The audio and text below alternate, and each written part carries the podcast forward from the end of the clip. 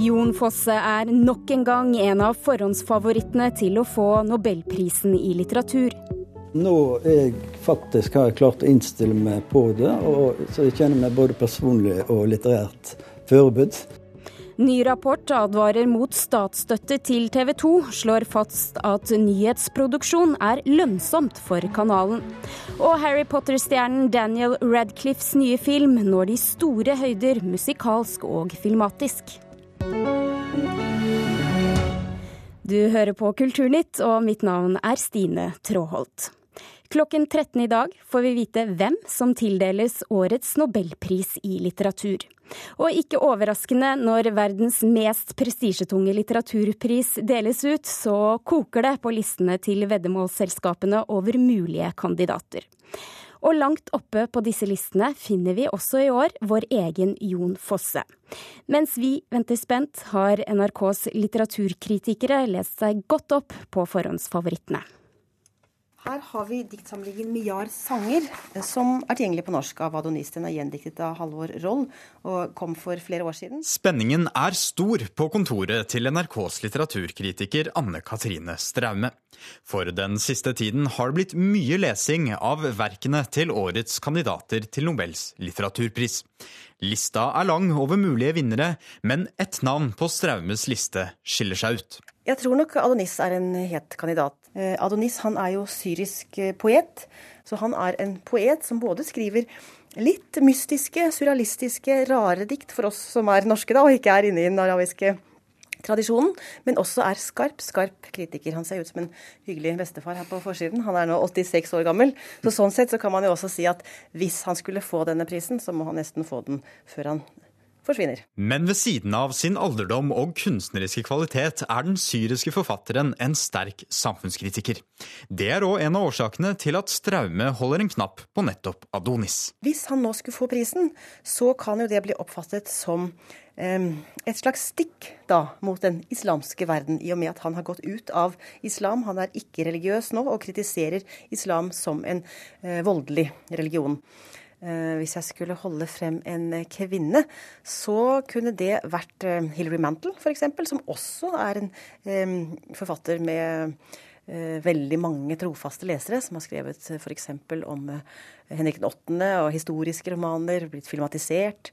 Um, så har jeg jo da noen av disse amerikanske favorittene. Joyce Carol Oates eller Comic McCarthy, ikke minst. En mann som bør ha sjanse til å få den, og som jeg syns det har vært uh, veldig bra om hadde fått den, det er Philip Roth, den amerikanske, amerikansk-jødiske forfatteren. Det sier NRKs litteraturkritiker Leif Ekle. Og det er ikke uten grunn at Philip Roth er hans favoritt til å motta nobelprisen i litteratur. Han har vært i dette landskapet om det å være amerikansk, amerikansk i verden, og ikke minst jødisk, og jødisk-amerikansk i det amerikanske samfunnet, som han har skrevet om fra utallige synsvinkler eh, gjennom eh, alle disse årene, og, og, har gjort det veldig godt eh, og originalt, og iblant uhyre morsomt. Forfatter og dramatiker Jon Fosse har i flere år vært en populær kandidat for mange. Og nå er han klar for å ta imot prestisjeprisen dersom han vinner. Nå jeg faktisk har jeg klart å innstille meg på det, så jeg kjenner meg både personlig og litterært forberedt. Så skulle det slumpe til at jeg fikk nobelprisen, så blir jeg glad for det. Så det er jo bare, bare, det at du er med i diskusjonen i seg sjøl, og at det går nå verden rundt eh, år etter år, det, det god reklame, for å si det sånn, for å få bøkene mine omsatt til flere språk. Om det blir Fosse som mottar Nobels litteraturpris, er fremdeles uvisst. Men skuffelsen lar nok vente på seg dersom det ikke blir noen pris i år. Snarere tvert imot. Får den ikke, så blir det nok letta, for å si det sånn. Så det, så det det er bra begge deler. Reporter Brage Bergelund. En annen litteraturkritiker her i NRK som er godt forberedt i dag, det er du, Knut Hoem. Hvorfor er Jon Fosse nok en gang favoritt? Han har dukket opp som en kandidat flere år på rad nå. Det er fordi at han har et veldig særpreget dramatisk eh, forfatterskap. Eh, et eventyr, som han sjøl har beskrevet det som. Dette at han fikk en oppfordring om å skrive dramatikk fra den nasjonale scenen eh, tidlig på 90-tallet, på et tidspunkt da han hadde veldig dårlig råd. Så tenkte han ja, jeg får slenge inn eh, et synopsis, da. Og det ble jo da eh, debutstykket hans 'Noen kjem til å komme'. Og så har det jo da bare ballet på seg. Så var det jo et tiår der eh, det ene teaterstykket kom etter det andre. Han er oversatt til 40 språk, og ute i verden er han eh, dramatiker med en veldig tydelig signatur. Og det er jo litt sånn at når du går inn på et Fosse-stykke, så vet, vet, du med en gang at det er Jon Fosse. Og, og den typen på en måte særpreg er det som er grunnen til at han er den absolutt eneste nordmannen som har sjanser til å få denne prisen. Fosse sier her selv at han nå er litterært forberedt på å få prisen. Det har han ikke sagt før. Hva tror du han egentlig legger i det, at han nå er klar?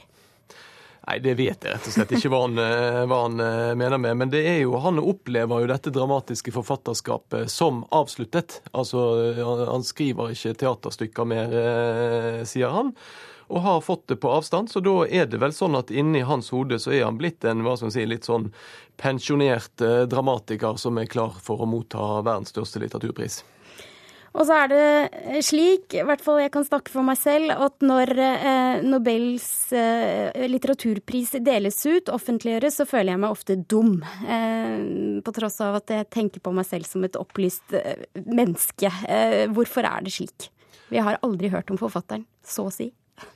Nei, Det handler jo ofte om at uh, vi blir minnet om at det er veldig lite av verdenslitteraturen som faktisk blir, finnes tilgjengelig på norsk. Det er veldig mange store forfatterskap der ute som uh, ikke kommer til Norge, som ikke blir oversatt.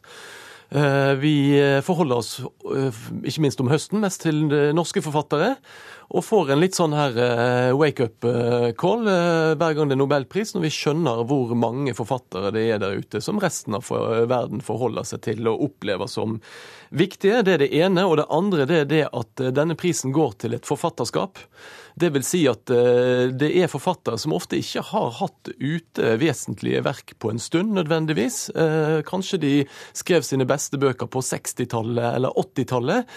Det er liksom og, og, i og med at litteratur er mer og mer ferskvare, så er det, er det mange av disse her som ikke har vært i vinden på en stund, men som plutselig da kommer rett ut igjen og blir, bli på alles lepper igjen. Ok. Du skriver i en ytring på nrk.no i dag at prisen bør gå til en amerikansk forfatter. Hvorfor det?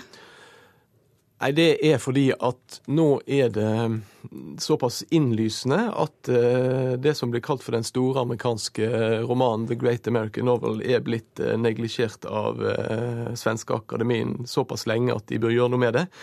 Eh, altså Forfattere som Jonathan Franzen eller Richard Ford er kanskje ikke gamle nok, men du har Cormac McCarthy, du har Joan Didion, du har Philip Roth, du har Don DeLillo, du har Joyce Carol Oates, som alle er gamle, og som bør er aktuelle for eh, denne prisen.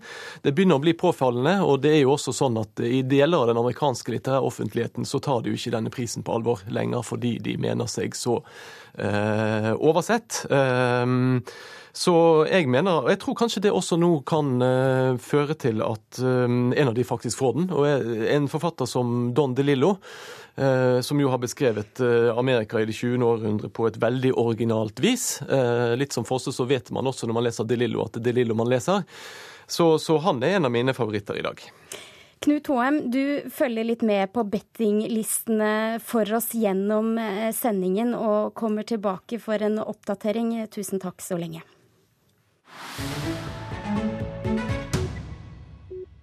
Å gi statsstøtte til TV 2 kan virke mot sin hensikt. Det kommer frem i en ny rapport fra to professorer ved Norges handelshøyskole. Rapporten mener at nyhetsproduksjon er lønnsomt for TV 2. Direktør Harald Strømme i TV Norge-eide Discovery Networks mener derfor at forpliktelser om nyhetsproduksjon ikke kan være et argument for statsstøtte. Dette er helt i overensstemmelse med det eh, vi har sagt siden. Eh, å gi statsstøtte til TV 2 vil virke mot sin hensikt. Det vil ikke styrke mediemangfoldet, men svekke det. Eh, det er umulig å avgrense slik støtte til bare å gjelde nyhetene. Og dessuten er det lønnsomt å drive med nyheter. Så gi skattebetalernes penger til Eggmont-konsernet, det er penger ut av vinduet. Hvorfor har dere laget denne rapporten? Ja, Vi mener jo at norsk mediepolitikk eh, bør utformes på så bredt eh, kunnskapsgrunnlag som mulig, eh, og ikke basert på et partsinnlegg fra, fra TV 2, som den såkalte Bjørnenak-rapporten fra 2014 jo er. Denne rapporten som, som ble bestilt av TV 2, altså lagt, ble lagt til grunn for Stortingets behandling av denne saken. og Det denne nye rapporten viser, er jo at de konklusjonene som ble trukket der, ikke er sterke nok til å gi forsvare en, en støtte på mange hundre millioner til, til Egmont. Hvilke konsekvenser er dere i Discovery, i Discovery altså da redd for at skal inntreffe dersom TV 2 får statsstøtte? Først og fremst at det er sterkt konkurransevridende. Eh, for dette er jo et rent distriktspolitisk eh, tiltak, og ikke et mediepolitisk eh, begrunnet forslag. Og Hvis man gir flere hundre millioner kroner til TV 2 fordi de skal være i Bergen, så må man jo gjerne diskutere om, om, eh, det er god distriktspolitikk eller ikke, men god mediepolitikk er det ikke. Hva slags betydning har det da for dere dersom TV 2 skulle få statsstøtte? Ja, det er betydning først og fremst fordi det er ikke mulig å avgrense den statsstøtten til bare å gjelde nyheter. Det er klart, eh, Får de mange millioner kroner for å drive nyheter, så frigjør de ressurser til å investere i, i andre områder, som denne rapporten er veldig tydelig på. Da kan pengene gå til dyre sportsrettigheter, eh, eller til eh, økt satsing på sumo, eller økt utbytte til eierne. Og Egmont har allerede tatt ut flere milliarder fra TV 2, og, og viser ingen grunn til at norske skattebetalere skal fortsette å pøse penger inn i deres lommer. Reporter Philip Johannesborg, det er du som har snakket med Harald Strømme nå i morgentimene og satt deg inn i denne rapporten. Hvordan henger dette egentlig sammen? Du må hjelpe oss litt å forklare her. jo, ifølge rapporten så er det da sånn at når TV 2 nå har en programprofil som da allmennkringkaster, noe som gjør at de kan ta bedre betalt av annonsørene enn det konkurrentene som TV Norge og TVT kan, da. Det kan faktisk dreie seg om så mye som 20% mer per seer i den mest attraktive målgruppen, da. Rapporten mener at TV 2 ikke ikke kan beholde dette fortrinnet dersom de legger om til en ren underholdningskanal. Og da går jo vinninga opp i spinninga hvis de da f.eks. legger ned nyhetene. Og så er det kanskje ikke eh, så tilfeldig heller at denne rapporten kommer akkurat nå. Hva slags rapport er det? Jo, eh, den er laget av to professorer på eh, Norges handelshøyskole i Bergen. Hans Jale Kind og Øystein Forås. De har gjort det på oppdrag av TV Norge-eieren Discovery. Og Rapporten er et slags motsvar til en rapport TV 2 fikk laget for to år siden. Den rapporten var faktisk også utarbeidet av en professor ved Handelshøyskolen, nemlig Trond Bjørnenak. Den rapporten konkluderte da med at TV 2 trenger støtte fra staten for å ha råd til å lage nyheter i fremtiden. Og så er det TV 2, da. Hva sier de selv om eh, denne konklusjonen i rapporten? Ja, nei, Vi forsøkte jo å få tak i TV 2-sjef eh, Olaf T. Sandnes nå på morgenkvisten, men eh, det lyktes vi ikke med. Men til bransjenettstedet Kampanje sier han derimot at han ikke helt kjenner seg igjen i betraktningen rundt TV 2s økonomi. For øvrig så påpeker han at rapporten anerkjenner at en kommersiell allmennkringkaster har samfunnsnytte. Tusen takk for hjelpen, eh, reporter Philip eh, Johannesborg. Du hører på Kulturnytt, og klokken er nå drøye 16 minutter over åtte. Dette er hovedsakene i Nyhetsmorgen. Fire kvinner beskylder presidentkandidat Donald Trump for seksuelle krenkelser. Det gjør de i intervjuer med amerikanske aviser, bl.a. The New York Times. Legene frykter at 60-timersuker etter hverandre blir resultatet når streiken nå er stoppet og oppgjøret går til Rikslønnsnemnda. Og Norge og Russland er enige om en avtale for å lete etter olje og gass ved hjelp av seismikkfartøyer langs grenselinjen i Barentshavet. Da skal vi til Lillehammer kunstmuseum, for de står uten leder etter at mangeårig direktør Svein Olav Hoff fikk en rådgiverstilling nå i september. Styret hadde både håpet og regnet med å få midler til en ny direktørstilling over statsbudsjettet, men pengene de kom ikke. Og dermed kan museet ha skutt seg selv i foten. Det er jo en av de viktigste institusjonene her, og som har et stort eh regional oppgave, men også eh, har blitt eh, utvikla til å bli en nasjonal eh, institusjon. Audun Tron er styreleder ved Lillehammer kunstmuseum, et av de fremste kunstmuseene i landet. Her har direktør Svein Olav Hoff regjert siden OL-året 1994. Men i april gikk han brått ut i permisjon, før han nå i september gikk av som direktør og over i en stilling som spesialrådgiver ved museet. Det var hans initiativ og som jeg som styreleder hadde veldig stor forståelse for. Nå har museumsstyret havna i et uføre. Etter at styreleder Trond hadde håpa på å få den nye stillinga til hoff finansiert over statsbudsjettet. Staten finansierer 60% av drifta, og styret trodde på auka bevilgninger siden både utstillingsareal og volum på samlinga har auka vesentlig de siste åra. Derfor hadde vi bedt om en faglig styrking eh, av museet, uavhengig av Hoffs hoffsretrett. Og I tillegg har vi bedt om midler til eh, den retrettsstillingen for Svein Olav Hoff. Og så har vi ikke fått noen ting. Dermed har styret skutt seg sjøl i foten. For nå har ikke museet midlene som skal til for å tilsette ny direktør. En personalsjef og en konservator deler lederfunksjonene midlertidig. Og NRK kjenner til at situasjonen skaper uro internt. Tillitsvalgt for Forskerforbundet ved museet, Liv Stubstad, vil foreløpig ikke la seg intervjue om saka. Styreleder Trond er klar på at det haster å få på plass ny direktør ved museet. Nei, Styret har sagt at vi, vi, kan ikke miste momentum i denne saken, her, så vi må jobbe på langs to akser. Det ene er å få uh, satt i gang prosessen med å lyse ut stillingen som direktør. Og parallelt jobbe med finansieringen opp imot uh, statlige myndigheter, kommune og fylkeskommune. Den statusen dette museet har, står det i fare ved å gå lenge uten direktør? Ja, det er det. Reporter Arne Sørenes.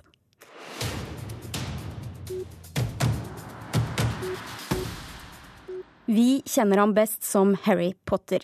Men når Daniel Radcliffe nå står friere til å velge hvilke roller han vil spille, så går han for ganske spesielle ting. For i sin nyeste film, Swiss Army, spiller han et levende lik.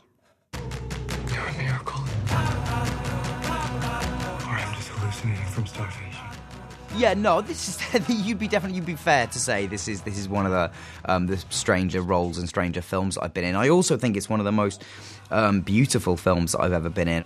Ja, for det er kanskje ikke så rart at skuespiller Daniel Radcliffe beskriver sin siste rolle som det rareste han har gjort. I filmen 'Swiss Army Man' spiller han et svært levende lik. So this is the life I've forgotten.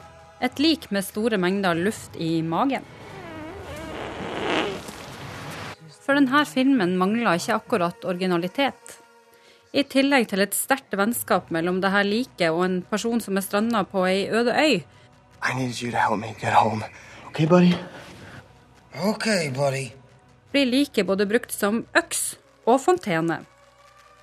Originale manus begynner nærmest å bli et varemerke for Daniel Radcliffe, som spilte trollmannen Harry Potter fra han var 12 til han var 22 år. I was sold very quickly. Like I was, I there there is so much imagination and originality just leaping off every page of that script um, that it was just something that I immediately knew that I wanted to be a part of. For når perioden som Harry Potter er over, står han friere når det gjelder hvilke filmer han har lyst til å spille i. Og da velger han rare roller, som han sier sjøl. I, I think, you know, I think I'm, I've uh, at least got a reputation as somebody who you know likes doing interesting work and um, you know uh, wants to do weird stuff and, and and I think that's quite a useful reputation to to get in a way because it means that you you know you do get given some really interesting opportunities like this. For Daniel Radcliffe har ikke noe behov for å spille de store rollene. Nå handler det meste om å gjøre det han elsker mest, nemlig å lage film. What do I like about this? What do I want my career to be? You know, I like being on set. I like making films. So um, I just want to be an actor. I don't. I don't particularly want to be famous. You know. So now that's what I've been working on is really just trying to make sure I have a career for the rest of my for the rest of my life. Reportere Espen Aas og Kirsti Falk Nilsen. Og vår anmelder mener at denne filmen når store høyder musikalsk og filmatisk. Den gir nemlig to platte komedieskuespillere anledning til å levere spill av edel klasse, og noen ansiktsuttrykk vil bli historiske. Her er anmelder Einar Gullvåg Staalesen. Swiss Army Man er lek med lik.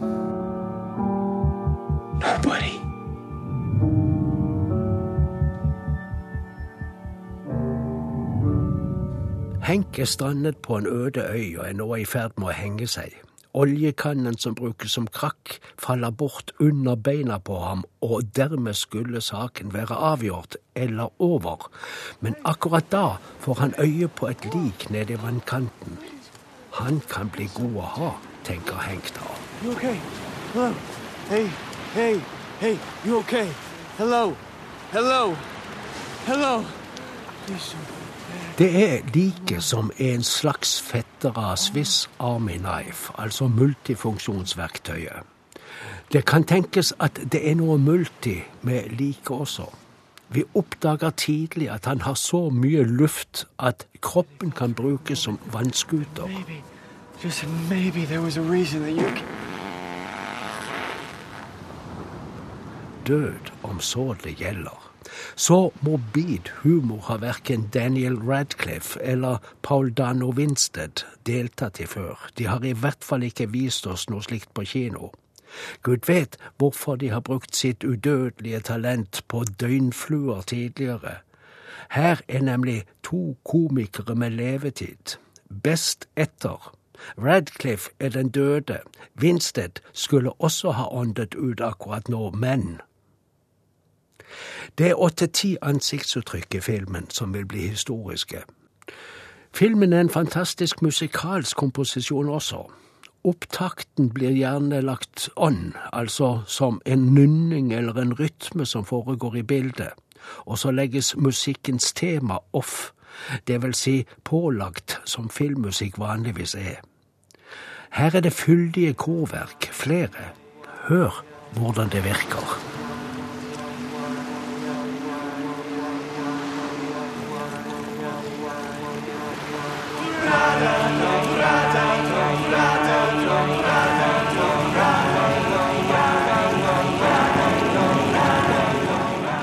Det er mening i galskapen. Ikke dypere mening, men dog. Mot slutten er filmen opptatt av å tydeliggjøre et par budskap. Det syns jeg er stilbrudd. Jeg ser mest mening i designen i det hele. Død og liv, søppelkunst og vakker natur i rotete blanding. Det har vært noen på denne øya før. De burde ha holdt seg unna så er det mening i å forene fotokunst og musikk på et vis som bringer verket til artistiske høyder.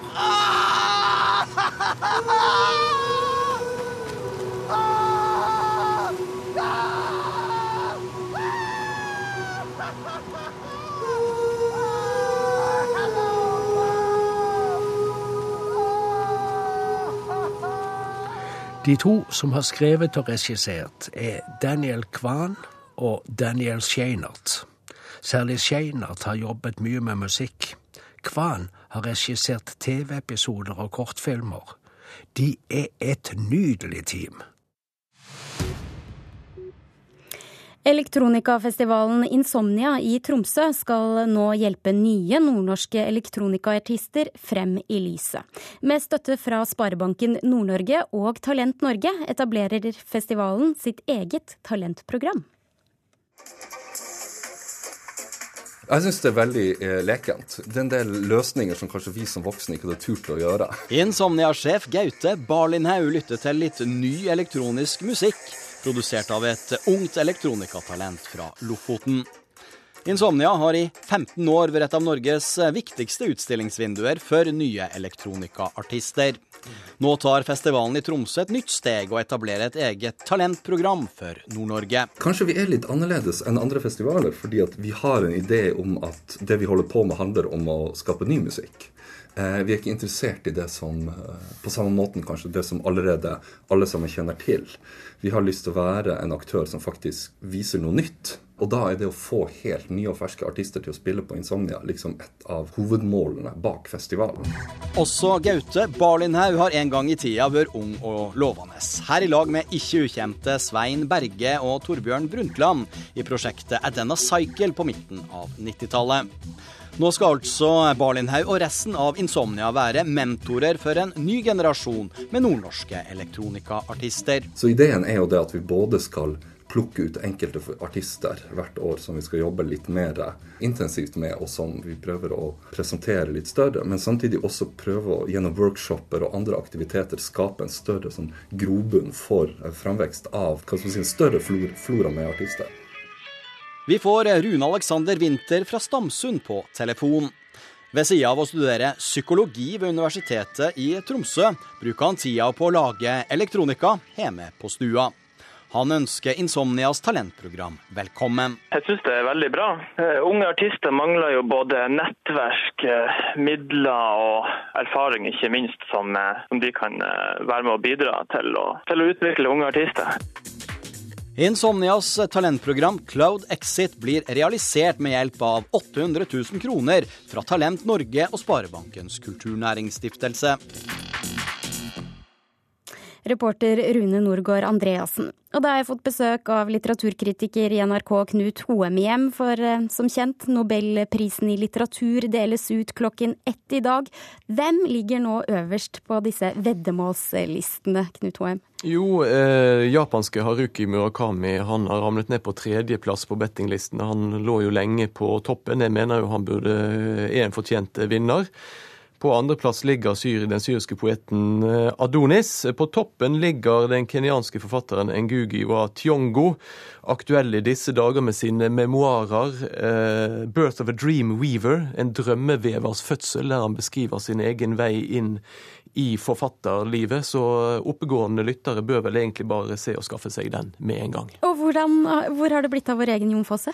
Jon Fosse ligger overraskende godt eh, an på femteplass, og så er det Don DeLillo som jeg kanskje holder en, eh, en knapp på i år, den amerikanske forfatteren, som har klatret opp på fjerdeplass.